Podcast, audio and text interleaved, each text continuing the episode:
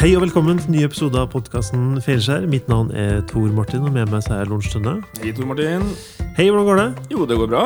Så bra. Ja. Vi har jo også med oss Snorre Busch, som er produsent og styrer teknikken. Sørger for at vi har eh, god og klar lyd. Det er fint.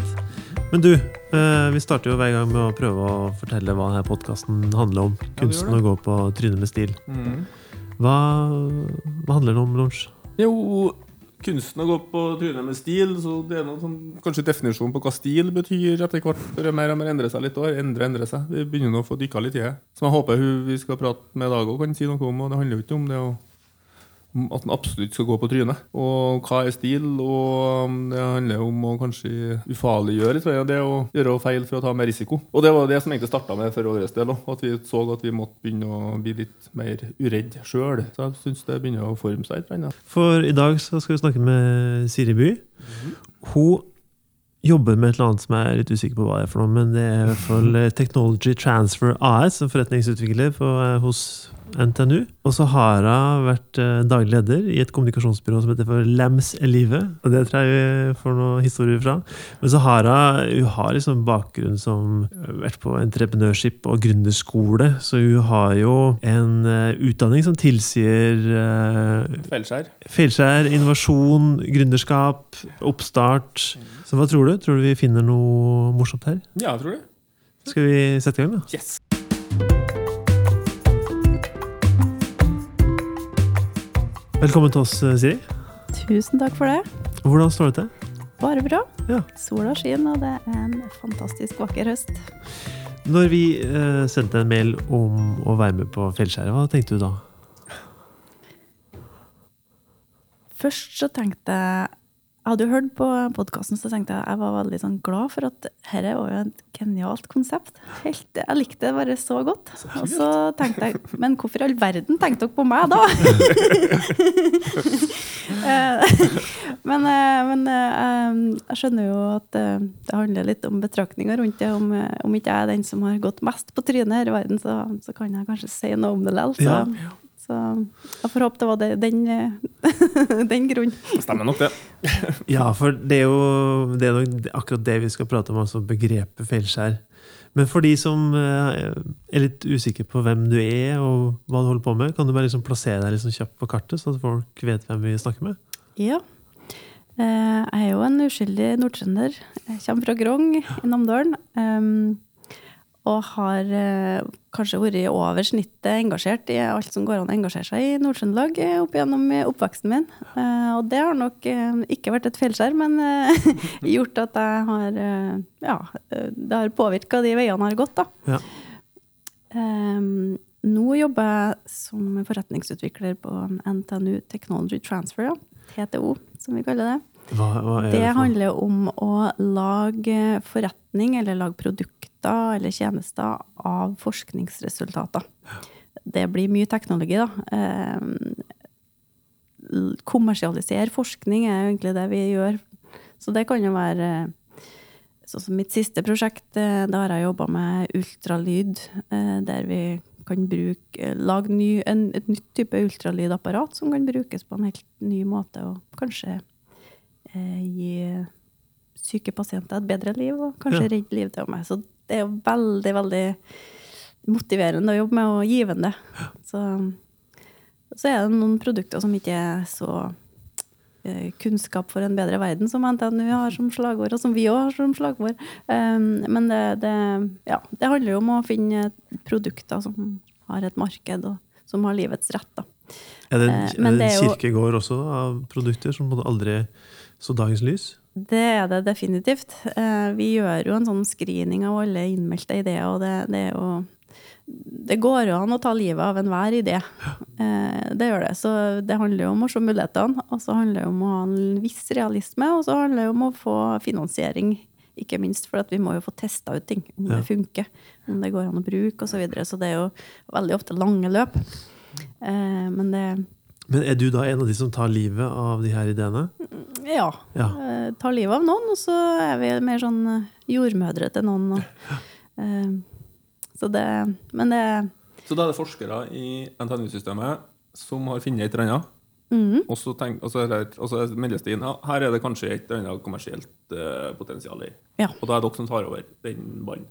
Vi, vi tar over, det gjør vi ikke. Vi gjør det sammen med forskeren. For vi er jo fullstendig avhengig av dem. Dette er jo verdensledende forskere innen sitt felt. Og det kan jo ofte være veldig smale felt. Ja. Eh, eh, og da, sammen med dem, så klarer vi å finne ut av om kanskje det kan patenteres. Det gjør jo livet litt enklere. Eh, og så prøver vi å legge en plan for hvordan kan vi få dette ut. Og noen ganger så er det jo en industripartner som kanskje som står klar og bare vil ta det rett inn i sin portefølje. Mm. for eksempel oljenæringa har jo vært tett på NTNU eh, i, i mange år nå. Og så er det jo andre sektorer der kanskje Norge er for lite, der vi må gå rett til utlandet. Så det varierer veldig hvordan veien videre er. Da. Men Eh, Det meste koster ganske mye penger.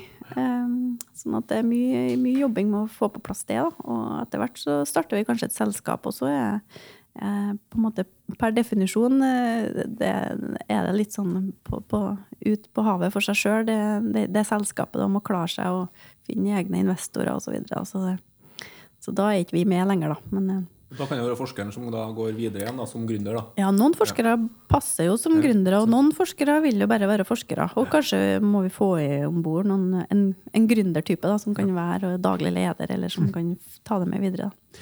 Det var litt det vi har savna egentlig på eh, ungt entreprenørskap. Altså det å forvalte og kommersialisere ideene etter at de er liksom ferdige med eh, sitt ene år som bedrift. For der er det jo mye som blir tenkt fram og oppfunnet, og gode ideer. Men de har en tendens til å bare forsvinne i skuffa når de er ferdig med ene året. Ja. For det er ingen som er der og byr på ideen, eller er jordmor for den, eller Så det, må, det, må, det høres veldig spennende ut, det du holder på med. Ja, det er utrolig spennende, og det, det, det er jo for å unn, Det er jo litt sånn samfunnsansvaret. Vi bruker jo på en måte skattepengene på å ha mange forskere og mye kunnskap som foredles på universitetene våre. Sånn at det, det Forskerne blir jo honorert for sine publiseringer. Eh, Det å innovere og, og, og lage produkter sånn, det er jo ikke i akademia er jo ikke det noe du får noe ekstra stjerne for. eh, I hvert fall ikke så veldig mange miljø. Eh, Kanskje litt andre holdninger til det i USA, men, men det, der er vi litt umoden her ennå. Men eh, det, jeg tenker for samfunnet så trenger vi jo noen som ikke legger det i ei skuffe, men, eh, men som ønsker å lage ting av det. Og om ikke de gjør det sjøl, forskerne, så er jo, det er jo derfor det finnes et apparat sånn som TTO, da, eller Ja, for det er jo interessant. Du nevnte jo så vidt USA. Eh, Du har jo vært eh, I løpet av utdannelsen din så har du vært i Silicon Valley Ja. i eh, en liten tid. Og sett kanskje litt hvordan liksom, tankesettet deres er på det å gjøre forretning, eller det å gründe. Mm. Uh, I forhold til det her med begrepet feilskjær, så har vi også prata med folk som mener at hvis du gjør en uh, konkurs i Norge, da er det svartelista. Da får du ikke noe penger, og du er liksom ikke Din verdi da, som gründer, er, den har sunket. Mm. Hvordan, uh, hvordan er det perspektivet fra liksom amerikanske øyne?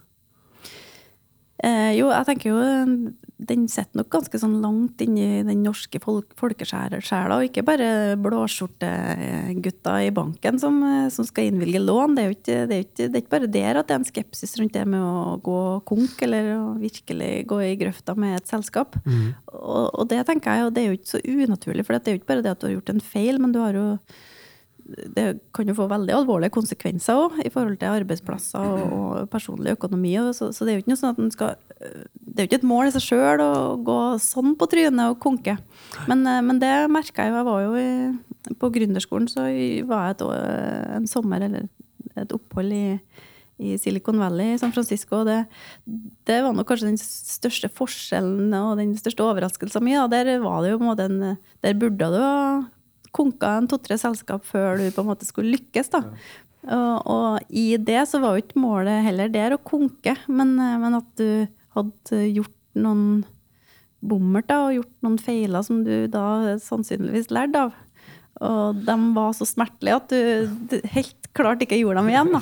Så, så, det er litt sånn at det var litt sånn er lik erfaring, nesten. da. Eh, så, så jeg vet ikke om vi skal hige etter å ha det som, eh, som, som kultur eller som standard, men det, den, ha litt sånn mer avslappa forhold til det at du som gründer så er du nødt til å ta så høy risiko at du før eller senere går på noen store og små smeller. Du er helt, eh, helt på grensa til at det ikke går bra. Um, og så Den holdningen og den romsligheten tror jeg vi kan prøve å, å ha litt sånn mer respekt for. da. At mm. de som går konk, det er ikke fordi at de nødvendigvis var noen slabbedasker, men at de uh, tok så store sjanser for å nå det målet om å lage et nytt produkt eller lage nye arbeidsplasser. Altså, så de gjør, jo, uh, gjør oss jo alle en tjeneste med å ta den sjansen, så vi skal være så romslige at vi ikke dømme dem nord og ned av den grunn. Så, ja. så, det er jo det som, vi må se litt på årsaken til at du går konk, f.eks. Men eh, jeg tror nok en, kulturen rundt det har endra seg litt i Norge òg, men eh, Ja, for den romsligheten som du beskriver fra Silicon Valley, det er jo nesten 20 år siden du opplevde det. Ja, det. Hvor, har det skjedd noe Det må jo ha skjedd noe, men hva, hva har skjedd i løpet av 20 år i Norge i forhold til eh, vår romslighet da, på å faktisk ta såpass store risikoer og det har jo skjedd voldsomt mye i forhold til det med begrepet innovasjon, som kanskje har blitt litt sånn oppbrukt på mange måter. Men samtidig så er jo det mer i pannebrasken. Og ja, vi har jo ungt entreprenørskap, og unger og ungdommer blir jo skolert i at uh, sånn starter du selskap, og, og alle kan starte sin egen bedrift og komme med en idé osv. Så, så det er jo et helt annen holdning til det. Før så var det jo Jeg vet ikke Det var på en måte ikke nevnt. det det var noe, noe, som var litt sånn fjernt, kanskje. Ja. sånn at eh, det har jo blitt mye mer i pannebrasken på folk, tror jeg. Jeg eh, gikk jo i 4H og skulle passe på ku et år. Ja. og det var min oppvekst. Passa du på en ku? Ja. Det var min, det var min årsoppgave. At ikke jeg visste det, for jeg hadde årsoppgave foto. Så jeg kunne ta kommet et bilde av deg som passer på kua. Jeg hadde, jeg hadde ku og kalv, jeg òg. Ja. ja. ja. så er insektsamling og bollebaking. Og. Fugl, da. Så, men eh, kanskje 4H har entreprenørskap nå? Vet ikke. De burde jo... Jeg tror, de har det. jeg tror kanskje det er litt mer fokus på i skole nå. er det jo det. Så, så det, det, er klart, den, du ser jo på studentene som er Dagens studenter er jo ikke som studentene når jeg studerte, det har jo skjedd en voldsom kulturendring. Så det starta jo det, den både gründerskolen og entreprenørskolen som er her på NTNU. Den, det kom jo da på slutten av ja, 99, tror jeg det var. Og da, det klart, det, da har du jo fått en, eh, en stor masse som er utdanna med et helt annet perspektiv, og det har jo blitt inkludert i mange studieretninger, sånn at det er en del av mindsettet til folk. Så, så jeg tror jo det gjør noe med holdningen, for at det sier noe mer om hvordan livet som gründer er. da. Så er det òg litt sånn, jeg tror det har blitt litt sånn poppis. Det er jo litt sånn det er jo mange som har vært i etablert næringsliv i mange år, som bare nå skal de realisere seg sjøl, og så skal de hoppe på en startup. Så det er jo, det er jo, det er jo en, en, helt annen kultur i forhold til det, da. Ja.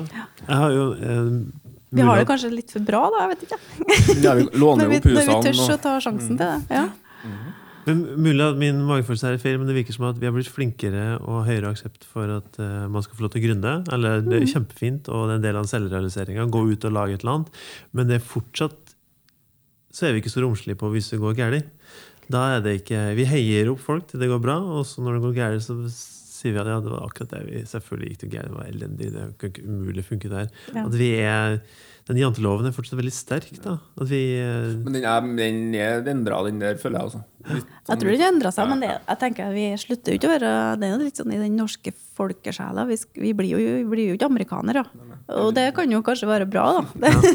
Eh, så å drive og hele tida skal sammenligne oss med Silicon Valley, det tror ikke jeg er noe sunt. For det, det er jo en sånn ekstrem plass så, så dit tror ikke jeg vi ønsker å komme heller. Men, men du kan jo se litt på mulighetene, for Silicon Valley tiltrekker seg verdens flinkeste folk innen eh, noen sektorer.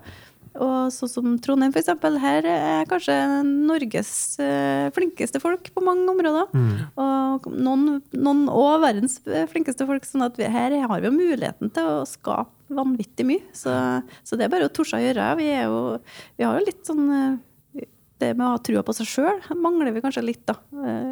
Uh, tenke de store tankene. Torde å gjøre det, bare. Hvordan er det med lokal kapital? Det er jo i bedring, men det er jo ikke det, er ikke- det er ikke eh, Vi har ikke noe Wall Street på Nordre, har vi ikke. Eh, og det, det, det kommer vi vel heller ikke til å få, men eh, det, er jo, det er jo mer kapital nå enn hva det var for ti år siden. Men, men uh, vi mangler nok det store miljøet for det. Og jeg håper jo at det er flere og flere som skjønner at eh, vi må investere i framtida og i nye produkter og tjenester, og ikke være kjedelig å investere i eiendom. Ja. Yes. det er viktig. Lett å si når du ikke har så mye Yes. penger sjøl, men, eh, men det, det håper jeg jo. Det, det, vi, må, vi må tenke på, på framtidens eh, avkastning. Mm. Hva, hva tenker Men du ja.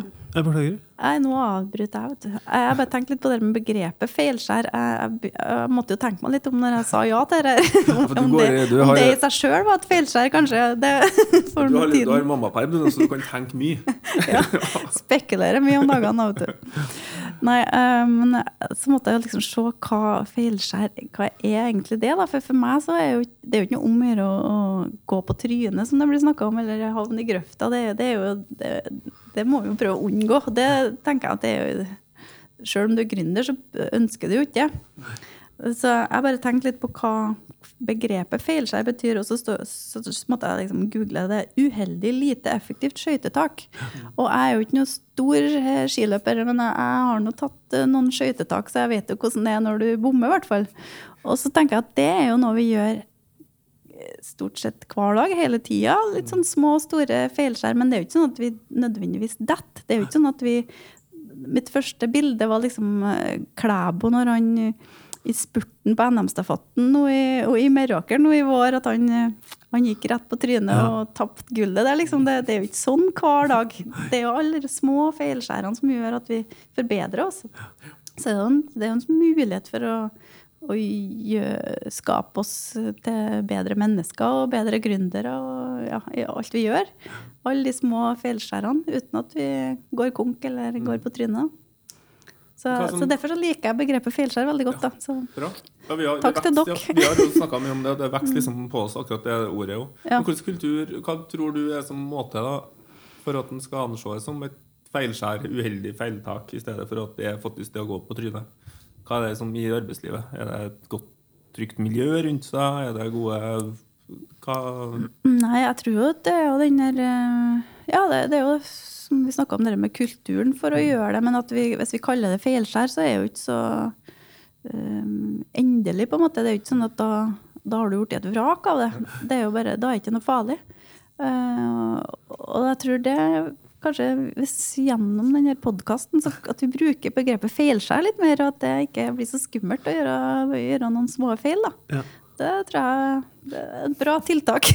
For du, du mister jo bare litt fremdrift. ja, ja, ja. Og så må du bare ta inn Ja, igjen, og så må ja. du kanskje bare jobbe litt hardere. Og så er det der du egentlig var. ja. må være markedsfolk som står bak det eh, va- navnvalget her. Skulle tro det var gjennomtenkt. det.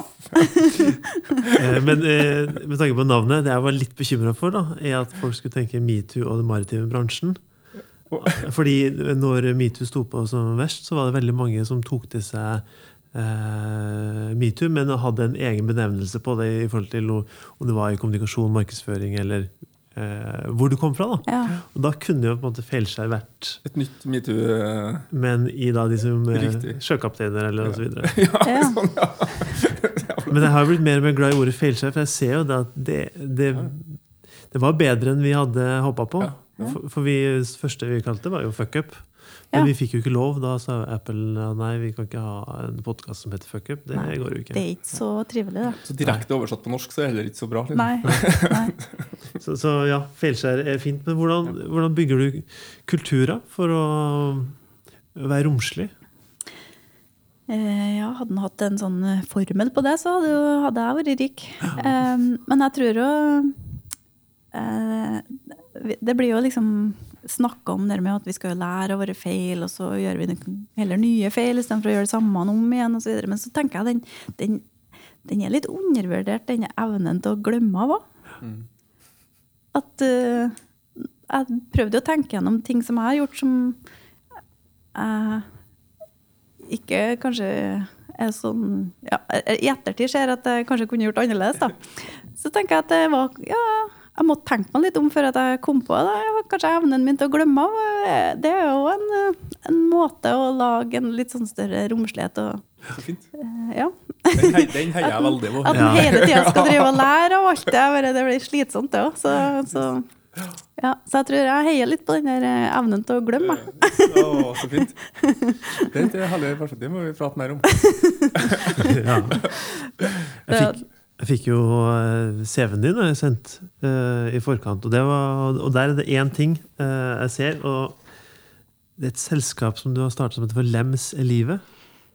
Ja. Det har du, det har du ikke glemt. Det er jo et sånn Et litt sånn spesielt foretak, kan du si. ja. Jeg, jeg snakka med ei dame som uh, fortalte hun hadde vært på en sånn bedriftstur og omvisning i Brønnøysundregisteret. Og så skulle de fortelle noen sånn artige historier med navn som var registrert i Brønnøysund. Blant annet Lems er livet. Og bare Ja, men hun kjenner jeg! ja, så nei, Lems er livet, det er jo en lang historie, men det er jo Det starta som egentlig som bare tull. Eh, et um, stunt med um, meg og min gode venninne Lise Marie Mørkve som vi starta Opplysningskontoret for Lems, og det var egentlig basert på en tur til eh, Sierra Leone. Eh, der vi, det var et alvorlig oppdrag i utgangspunktet, der vi starta en eh, i samarbeid med Plan Norge og starta en skole der, langt, langt inne i skogen, og det var ja. Eh, Hvem starta en skole, sier du? Du starta en skole. Hvem starta en skole? Det var i samarbeid med Plan Norge og, og et, eh, en gjeng fra Næroset. Så starta vi en, en skole. Vi hadde samla sammen midler og fikk bygd en skole der. Og det, det var jo en fantastisk reise, og det kan vi ta en e- egen podkast om, nesten. Eh, Men eh, oppi det så hadde jeg tilfeldigvis tatt med meg en pakke sånn tjukklems fra Lierne bakeri.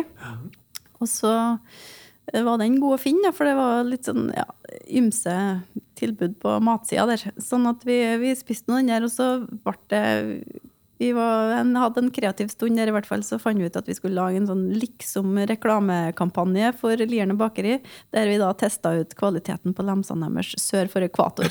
Og det der laga vi et stunt på. og så eh, med utgangspunkt i det der, så, så balla det på seg, og vi laga mange sånne forskjellige stunt. Og eh, sendte ut pressemeldinger, og det var jo lokalpressen, Trønderavisa og, og Namdalsavisa syntes det var veldig artig, og det syntes jo Lierne bakeri. Og, så det, det liksom balla litt på seg, det der, da. Og det her var før det her selskapet var oppstarta. Ja, det, det var jo bare, som sagt, bare tull. Opplysningskontoret for Lems. Det var jo for så mye opplysningskontor en periode, så vi tenkte for Lems var det ingen som hadde Melk og egg og alt mulig. Ja, lems frukt og grønt og kjøtt og det ene og andre. Men baller på seg, hva, som, hva baller på seg? Nei, Vi fortsetter jo å finne på tull, da. Eh, Og media syns jo det var veldig artig. Eh, Og det syns jo Når, òg. når var det her? Fikk du noe tidspunkt? Ja 2005, kanskje? Ja. Der omkring. Ja. Og når jeg tenker på det, så tenker jeg at det er jo ikke så lenge siden, men det er en god stund siden. og det, det høydepunktet var jo kanskje når vi eh, den eh, sommeren etter laga en, eh, en sånn Gjør det selv lemsbikini. Der vi laga en instruksjonsfilm og fikk med oss ei som stilte opp som modell. Der vi Du kunne med, ved hjelp av en pakke med dobbeltsidig teip og en eh, pakke likkledning, sånne trekanter, så laga du da Klistra det rett på kroppen. Laga du en bikini, da. Ja. Og det der slo jo helt vanvittig an i eh, nyhetenes eh, agurktid.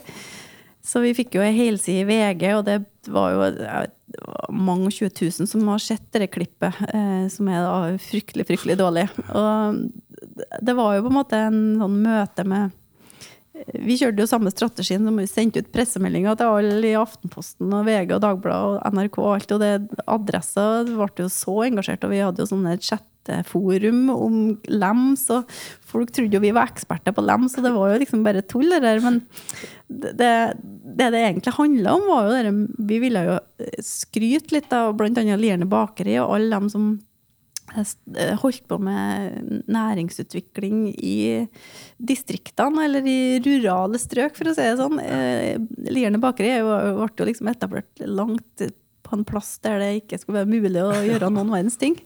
Sånn at det, det var jo liksom det som var motivasjonen vår, da. Men så det balla nå på seg, det ble veldig artig. Og vi lanserte jo ei sånn lefsetruse for eh, bade, badetruse for menn. Så det var ja.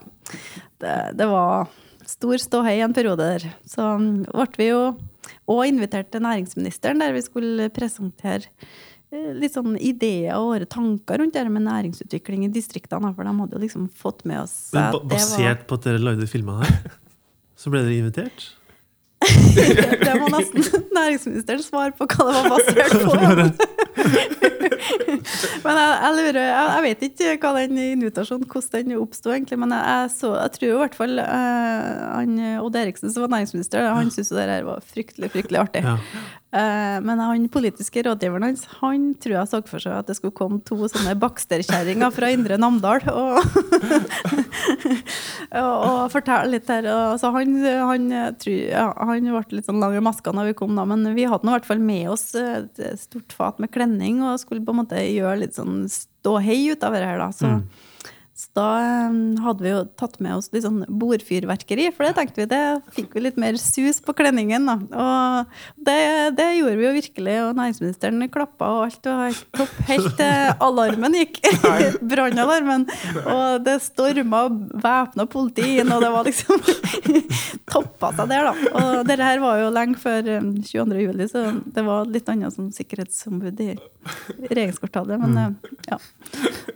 Vi fikk satt det på kartet, i hvert fall. En egen sånn kledninghistorie i regjeringskvartalet. Ja, ja, så det Men var det ikke en litt sånn uheldig eh, mediasak etter dere òg? Eller Dagbladet? Magasinet? Nei, Jo, jo, jo. Er, eh, av en eller annen grunn så syns jo næringsministeren at, at vi var, kom med noe vettugt òg. Det, var ikke bare- det var ikke bare tull. Det var litt mer pakka inn i Og før det, du hadde jo erfaring med næringsutvikling. Du var jo annet med og starta Ung Tiltakslyst, annet i Nord-Trøndelag, er styresleder der. og var det? Ja. Da, og jeg, jeg jobba jo med Vi, vi hadde jo jeg, jeg ordentlig jobba på, på si, skal til si. Jeg, jeg jobba jo med kommersialisering og forskning på Universitetet i Oslo, så det var ikke, det var, ikke- det var ikke, det var ikke bare tullballeri og fjas på oss. Um, og jeg hadde jo studert og jeg hadde jo vært på gründerskolen og det ene og det andre, sant? Så, så jeg var jo på en måte inne i det, så noe ikke tar du ut av oss. i Du visste hva du holdt på med når du lagde sånn eh, Men, eh, men i hvert fall så mm, var det jo eh, Fikk jeg jo en forespørsel fra, fra næringsministeren om jeg ønska å sitte som styremedlem i Innovasjon Norge. På bakgrunn av den der eh, presentasjonen der. Sannsynligvis, da. Men, eh, og i kjølvannet av det, så eh, naive nordtrønderen, vet du, da var jeg jo 25, så ble jeg spurt om jeg ville være med på sånn portrettintervju i magasinet i Dagbladet, og det var jo liksom det store magasinet på den tida. Eh, så det var jo helt eh, suverent. og jeg, Vi hadde jo et langt møte, jeg og han journalisten, og bildet og det ene og andre. Og jeg fortalte jo om hvordan det hadde skjedd. At eh, næringsministeren hadde ringt en søndags formiddag. og der Jeg hadde jo vært på fest dagen før, så jeg var kanskje litt sånn ør. Men telefonen ringte, og det var skjult nummer. Jeg trodde jo kanskje det var en telefonselger, og det var litt sånn artig, fortalte jeg da. sant?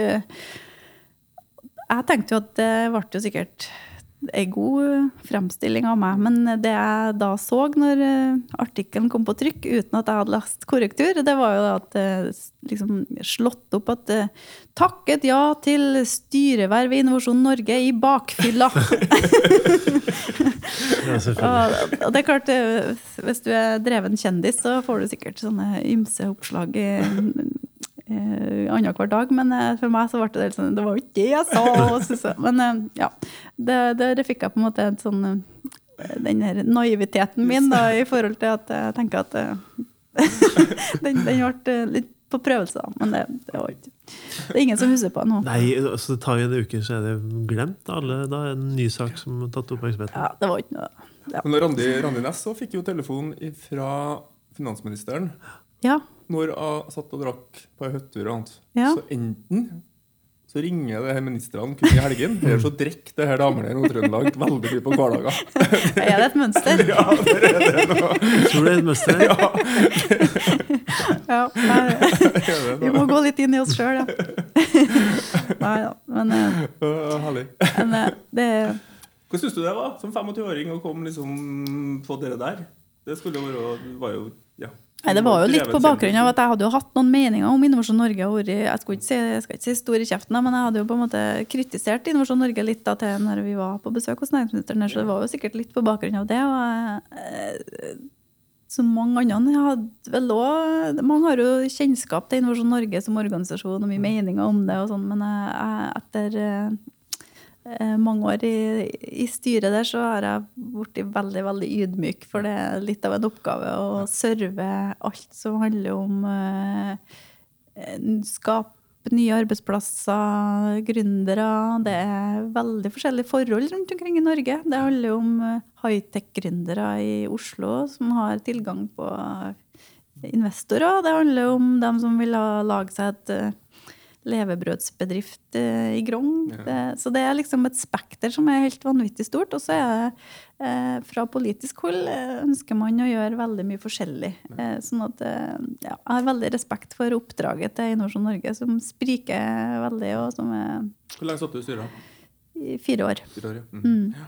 Så, så jeg har vært veldig godt kjent med den organisasjonen fra den sida. Så det, Mm. Det er jævla viktig erfaring å ha med seg. tror jeg. Det er akkurat det du sier, det- er mandatet og oppgaven som de har. på en måte. ja, den, eh, den har jeg veldig respekt for. Så, så, Og men det- forskjellene, ja, som sagt. I forhold til, det er forskjell på det å ha en gründer eh, skole, altså sånn eh, etablererskole i Oslo og på bygda. Det er ganske stor Ja, ja, og så, så er det jo ikke bare det at du skal gi tilskudd til gründere som, eh, som statlig aktør, eller virkemiddelapparatet skal jo serve noe mer, og det er jo, det er jo en bank òg. Det, det er jo den gamle Fiskarbanken, blant annet. Det er jo ikke Landbruksbanken. Det er jo ikke så mange som vet eh, omfanget av det.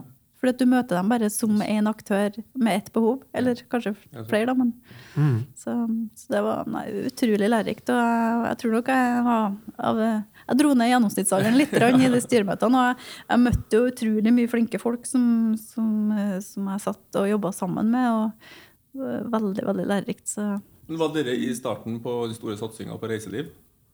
Ja. Ja, for Det var veldig sånn tydelig her at Norge har Norge, Norge bestemt at reiseliv er en del av kreative næringer. Ja. Det skal være nye oljen, og så ble det gira opp. på en måte, mm. bransjen ja. Ja. Så det var Ja, og det, det, er så tydelig at, det er så tydelig at det handler ikke det var mer at Norge bestemte at vi skal bygge opp det, samtidig som at det var yrende, men de fikk fart på den bransjen. ja, en mye større bevissthet rundt det, hvordan man jobba med det. Mm, mm.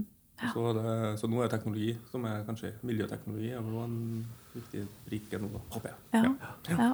Ja, Fokus på bærekraft har det jo vært hele veien. Så. Ja. Men, eh, men, men eh, ja, det var jo egentlig lemste livet vi snakka om, da.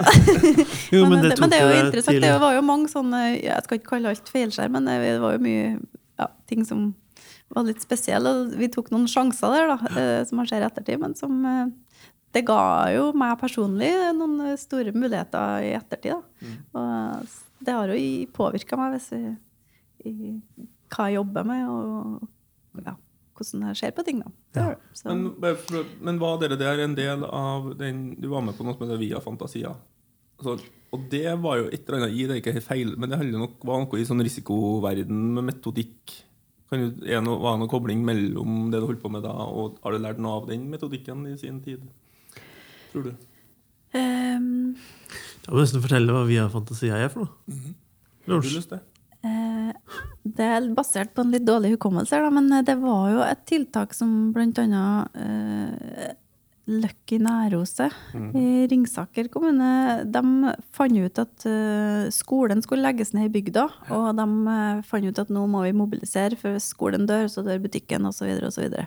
så nå må vi ta tak og gjøre noe her for å redde lokalmiljøet. Og da begynte de, det var jo også litt sånn at de begynte å finne på mye rare ting som fikk eh, oppslag i media. Og mye, ja, Brukt kreativitet og humor og galskap egentlig Ja, ja. til det å si at Bygde bl.a. en underjordisk flyplass. For hvis det skulle komme noen tilflyttere hit, så var det ikke sikkert at de kom eh, i fri luft. Det Kanskje de kom fra noen andre plasser i, i, i, i, under jorda, f.eks. Så det var mye sånne artig, artigheter. Så det ga jo på en måte en eh, Og så laga de en metodikk bare i forhold til å bruke sånne galskapsprosjekter og se hvordan skal vi få næringsutvikling ut av det. Så det ble jo noen bedrifter ut av de galskapsprosjektene. de Ja. med, Og så modellerte jeg opp det der til en sånn fantasiagent. eller hva det heter. Og Jeg var blant annet en av dem som uh, var skolert i den i tidlig alder. da. Ja, så det var egentlig en metodikk for å jobbe litt Ja. med, med kreativitet. Og, Så var det sånn Før entre- entreprenørskap og sånn, for at det var liksom inn i Ja. skolen vi skulle. Og, og det var, Kanskje litt sånn kaospilotaktig. ja, det var en norsk, en norsk versjon av det. på en måte. Ja. Eh, som, eh, og det gjorde egentlig at du kunne bare finne på gale ting. Eller, og så skulle du tvinge inn forretningsmodeller inne. Så du skulle begynne med høy risiko, og så skulle du lande på fotene. Ja. Ja, som, ja. Men det handler jo litt om denne kulturen for å, at ting er lov, da. Og det, det å tenke litt, litt rare tanker, det, det kan jo se mye, mye produkter og tjenester som finnes i dag, at det var jo sånn ville ideer, men så får du jo alltid sk skrumpa det inn i, i et format som et marked vil ha, da. Sånn at uh, verden klarer jo alltid å tilpasse det. Ja, det Altså. jeg også. For vi mennesker vil lande på fotene. på en måte. Så vi, Mm. ja. Det ligger naturen vår å lande på fotene. Så Ja. Derfor så kan vi tørre å starte litt ute her. Mm. For at til slutt så Ideen havner jo på fotene til slutt likevel. Ja, Hvis den er levedyktig. ja. Ellers så blir det ikke noe av den. Og det er jo, ikke noe farlig, det heller.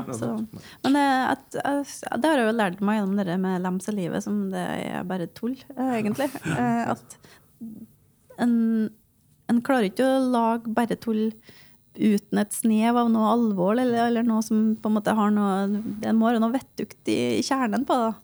Så, og da, gjennom Lems og livet, så, så starta vi jo annet Demokratimesterskapet. Som var en, kom, en konkurranse mellom alle kommunene i Norge i forbindelse med, med Jeg tror det var valget i 2009, kanskje? Nei, det var kanskje før det. 2007. Eh, Og det var jo ikke gals... Eller det var jo på en måte galskap, men det var jo en, det var jo en, det er jo en, en utrolig alvorlig tema i forhold til engasjementet både hos ungdom og hos voksne med å delta i det norske demokratiet. Og det, bare det at vi har muligheten til å stemme, alle sammen, det, Mhm. det må vi feire. Så det, det jobber vi jo veldig hardt med. Okay. Men det hadde ingenting med lems å gjøre. Nei, det hadde overhodet ikke noe med det å gjøre. Stemmeseddel eller lemseddel eller Man kan jo mer lems i stemmelokalene, kanskje. Det hadde vært Ja, sånn trekkplass der, ja. Eh, vi har et sånt spørsmål som vi bruker å stille til alle vi på slutten av samtalen, og det er jo hva er ditt neste potensielle fjellskjær? Har du noen formening om hva det kan være? Mm, det blir jo helt sikkert til vinteren når jeg skal gå på ski, da. Ja. Men før den tid antakeligvis òg. Jeg har ikke noe sånn eh, Jeg har ingen planlagte fjellskjær, nei. Det Det er ikke. ingen store innovasjoner i neste uke hvor du tenker at å, her er det risiko for at jeg kan eh, Nei, jeg, jeg må skuffende si nei. Jeg har ikke noe sånn juicy Jeg har ikke det, altså. Men eh, jeg, jeg tror jeg skal, jeg skal gjøre meg sjøl til en slags sånn uh, feilskjærmisjonær. Ja, ja det, det, det kan jeg potensielt feilskjære. Men er du, er du flink til å unngå feilskjær? Er du flink til å liksom uh, identifisere det ganske tidlig? At, at du eh, eh, jeg sier Ikke at du er liksom risikoavers, men at du er god på å kanskje ha en eller annen metode som gjør at det er trygt, det du holder på med. At du unngår liksom de største risikoene. Eh, Har du, har du noen Ja. formening rundt det? Jeg tror Det er jo litt sånn hvordan, hvordan man er skrudd sammen, hvordan personlighetstypen er. Og jeg er jo ikke den eh, eh, hva skal jeg si, den tradisjonelle gründertypen som eh, kaster meg ut i Pantsetter huset og gården Nei, og hunden og jeg, jeg er ikke sånn risikolover de luxe, det er ikke jeg. Men det handler jo om alle gjør vi jo tar vi jo sjanser, om de er store eller små. Eh, Men eh, så, jeg, så jeg tror nok at det er jo kanskje noe med alder nå. at en, når en har gjort noen eh, Vært litt naiv og tatt noen sjanser, og så etter hvert så tenker en seg litt mer om, men samtidig så det er jo ikke sånn at en gjør mindre feilskjær dess eldre en blir, det tror ikke jeg. Men, eh, men de er kanskje ikke så sprelsk, da. det er en annen type feilskjær. Ja. Eh, Men jeg skal spørre om en ting først. Det er, hvordan skal omverdenen forholde seg til TTO? Skal vi forholde oss til det? Eller jeg holder dere bare på med noe? Er noe skal bedrifter i Trøndelag forholde seg til dere? Og skal, burde, burde de komme i kontakt med dere? Eller hva, hvordan skal vi, Eh, skal vi forholde oss til dere? Nei, TTO er jo eh, eid av NTNU Mm. og Helse Midt-Norge. Ja. Og alle universitetene i Norge og for så vidt nesten hele verden, bortsett fra Sverige og Italia, har jo TTO-er som, som tar seg av det med kommersialisering, eller eh, å bygge selskap rundt kommersialisering av og forskninga. Uh, Så i utgangspunktet så, så er, det, er vi jo der for de ansatte på universitetet. Uh, Og skal serve dem, men det vi er avhengig av, er jo samarbeid med industri Ja. for å få produkter og tjenestene ut. Da. Ja. Uh, Og da, klart, eh, noen ganger er det lokale bedrifter som kan være aktuelle, men veldig ofte så er det jo ikke det. Skal nesten godt gjøres. Ja. Og dere screener jo skanner hvem som er aktuelle partnere Selv, måte. Mm. Men så T2 er jo ikke for eh, den, eh, den gemene hop, skal du si. Den, det er ikke den vanlige gründeren som tar kontakt med oss. Det, det finnes jo veldig mange andre aktører som jobber med innovasjon. det markedet er jo veldig på en måte dekt, egentlig, både i Trondheim og Det er ellers i ja. utrolig mange initiativ, og det er så mange som prøver å hjelpe gründere, og som bidrar på om det er finansiering eller om det er rådgivning. Altså det, det finnes veldig mange gode hjelpere hvis du er gründer i Norge. Altså. Så, så det, det, Norge er en veldig fin plass å starte selskap i. Her har du, landet trygt, og om det går skeis, så, så har vi et eh, nett som gjør at du, du ikke blir liggende så lenge nede i grøfta. Mm, så. Så vi har det på mange måter bedre enn Silicon Valley, det tror jeg. Ja, ja, ikke sant. Det tror jeg òg. Ja. Ja, Lunch, har du lyst til å prøve deg på en oppsummering? Eh, nei, jeg syns det er interessant, det um, altså perspektivene um, eh, med at det det jeg syns er viktig å si til slutt her, i forhold til at det i Norge, så er det, er det egentlig en kultur for at det er trygt og godt å grunde opp og starte opp bedrifter i Norge. Og ikke minst det at hun har erfaring fra Innovasjon Norge-tida og mange år nå med erfaring i forhold til å kjenne på pulsen på Norge i, dere, i den verden der. Så det er jo så jeg synes det er sånn godt og trygt å høre den. At det er, det er faktisk en kultur for at det er trygt å grunde opp. Og det og perspektivet i forhold til feilskjær og ikke gå på trynet. Eh, Jeg tror det Og det å ufarliggjøre eh, Og så fikk jeg oss til å tenke mye på at det er faktisk et godt valg å kalle det feilskjær, for det er det det egentlig handler om. At vi tar noen feilskjær innimellom, og så skal vi reise. Så det går ikke til helvete. Eh, Og det å få, få den kulturen på at det, er, det går ikke Det var egentlig det det handler om. egentlig dette prosjektet vi holder på med her også. Og så syns jeg det er artig, veldig artig å høre den at der, eh, Det er nesten sånn at ifra når jeg var ung og gjennom via fantasier og så videre, at det, det med at det er lov til å gjøre litt sånn på, litt på kanten ting som er morsomt, liksom li- lems i livet, da. i ung alder. Det gjør at en får god trening i at det er lov til å holde på litt utpå der. Og så lander jeg på fotene. Så jeg likte det veldig godt. eh, du? Jeg jobber jo mye med kommunikasjon, og det er jo fryktelig viktig å blande liksom humor med noe som er viktig. Og, og noen ganger så trenger man også litt sånn gale, tullete prosjekter fordi at det gir deg energi å holde på med. Plutselig ender du i styret i Innovasjon Norge. Det er akkurat det. Plutselig så er du på kontoret og fyrer av gårde alarmen. Bordfyrverkeri, det er løsningen. Ja. Det redder, redder alt. Få politiet til å rykke ut. Så, Det, så er noe med denne liksom, naiviteten som også er en sånn, et annet ord for å være litt uredd, egentlig. Ja. Det å stille opp i avisa og, og by på seg sjæl. og ikke minst evnen å glemme. Ja, Det er jo fin. Og bare ikke, ikke sensurer sin egen personlighet. Fordi hvis du sier at du tok telefonen i bakfylla, som kanskje da var litt mer saftigere enn det egentlig var, så liker folk folk som sier det litt sånn som det, uten å skal helt være så politisk korrekt. Jeg vet derfor min strategi framover. Jeg skal gjøre hva faen som helst nå, for jeg skal si til meg sjøl Lunsj, du glemmer det jo eller? Ja, ja. Så det er ikke noe farlig eller? Det. Det er litt som å ha blackout i fylla. Liksom. Jeg er ikke farlig at jeg gjør det her. I morgen har jeg glemt det. Da har vi kommet til avskjedsgaven, og det er jo her vi spør hva er det som har skjedd siste uka som har gjort deg glad. Så da kan jeg starte med deg, Siri. Ja. Nei, jeg har vært i Grong på høstferie. Det er jakttid, vet du, og sånn er det i Namdalen. Men da eh, fikk jeg et liten sånn eh, et varmt hjerte, for der er det så mange flinke damer som har gründa sitt eget selskap. Og på rekke og rad, og annet eh, starta gårdsbutikk der de har eh, dyrker eget eh, korn og lager bakst basert på det. Og da tenker jeg at her er noen som skjønner at her, her blir de ikke millionærer av, Mm. men de gjør det likevel. Og så hva er da motivasjonen? tenker jeg, Jo, fordi at de har trua på at dette her gjør verden bitte litt bedre.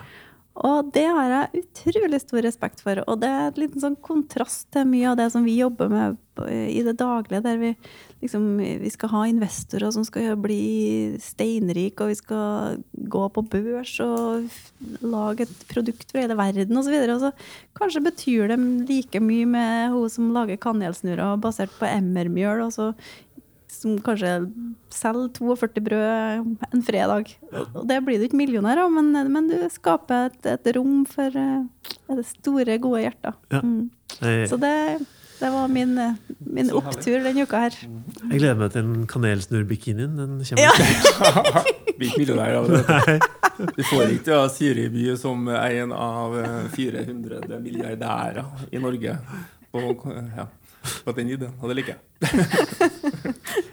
Ja, du har lunsj. Er det noe som har gjort deg glad? Ja, det er det. Uh, Jeg har vel nevnt det så vidt før òg, men eh, eh, vi holder på så fikk jo tilbake merkevaren eh, O-fag, som var på en måte jeg fikk tilbake. Men hvis jeg og Karianne, som var med og hadde selskapet O-fag sammen med for noen år tilbake. Så vi holder på å skal få opp et uh, nytt, eh, egentlig ikke et selskap, men et nettverk. Som egentlig heter som det å skape eh, en kreativ og meningsfylt hverdag sammen. Så er det bare egentlig et nettverk med folk, også dem vi har spurt. Det er så jævla mange som er så helt sjukt eh, positivt innstilt til det. Og så at dette her trenger vi, på en måte, det at vi bare møtes en gjeng. og Det er alt fra direktører til ja, osv. så videre. Som bare Egentlig, vi skal bare møtes en gang i måneden og bare diskutere samfunnsutviklingsting. og gjøre, gjøre egne prosjekter i det eh, nettverket. Uh, som da blir på en måte nye O-fag. da. Og det er bare den, dem vi har spurt, de har bare så, Ja, dette trenger jeg. For det, ikke minst litt sånn ute på distriktene. Det med å få et altså, Det å diskutere fag med noen innimellom. Å ha satt det i et system.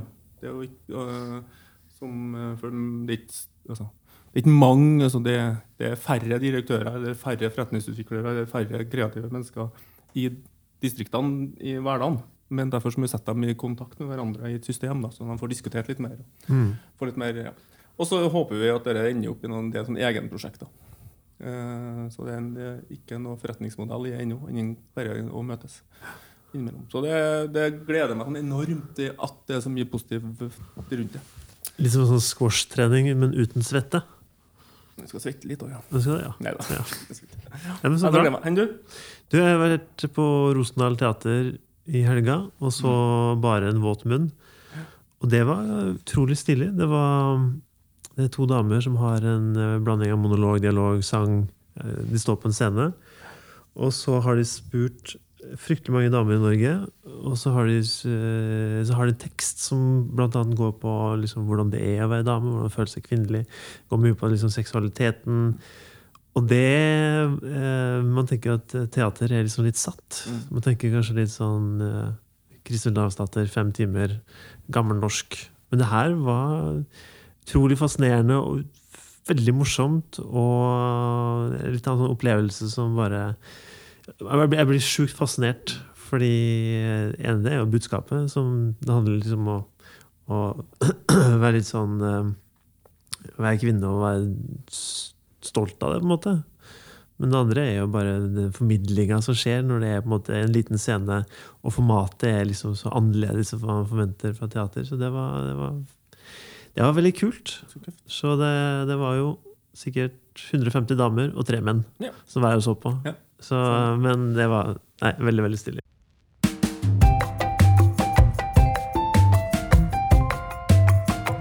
Tusen takk til de som har hørt på oss, og stor takk til deg, Siri, som ville komme og prate med oss.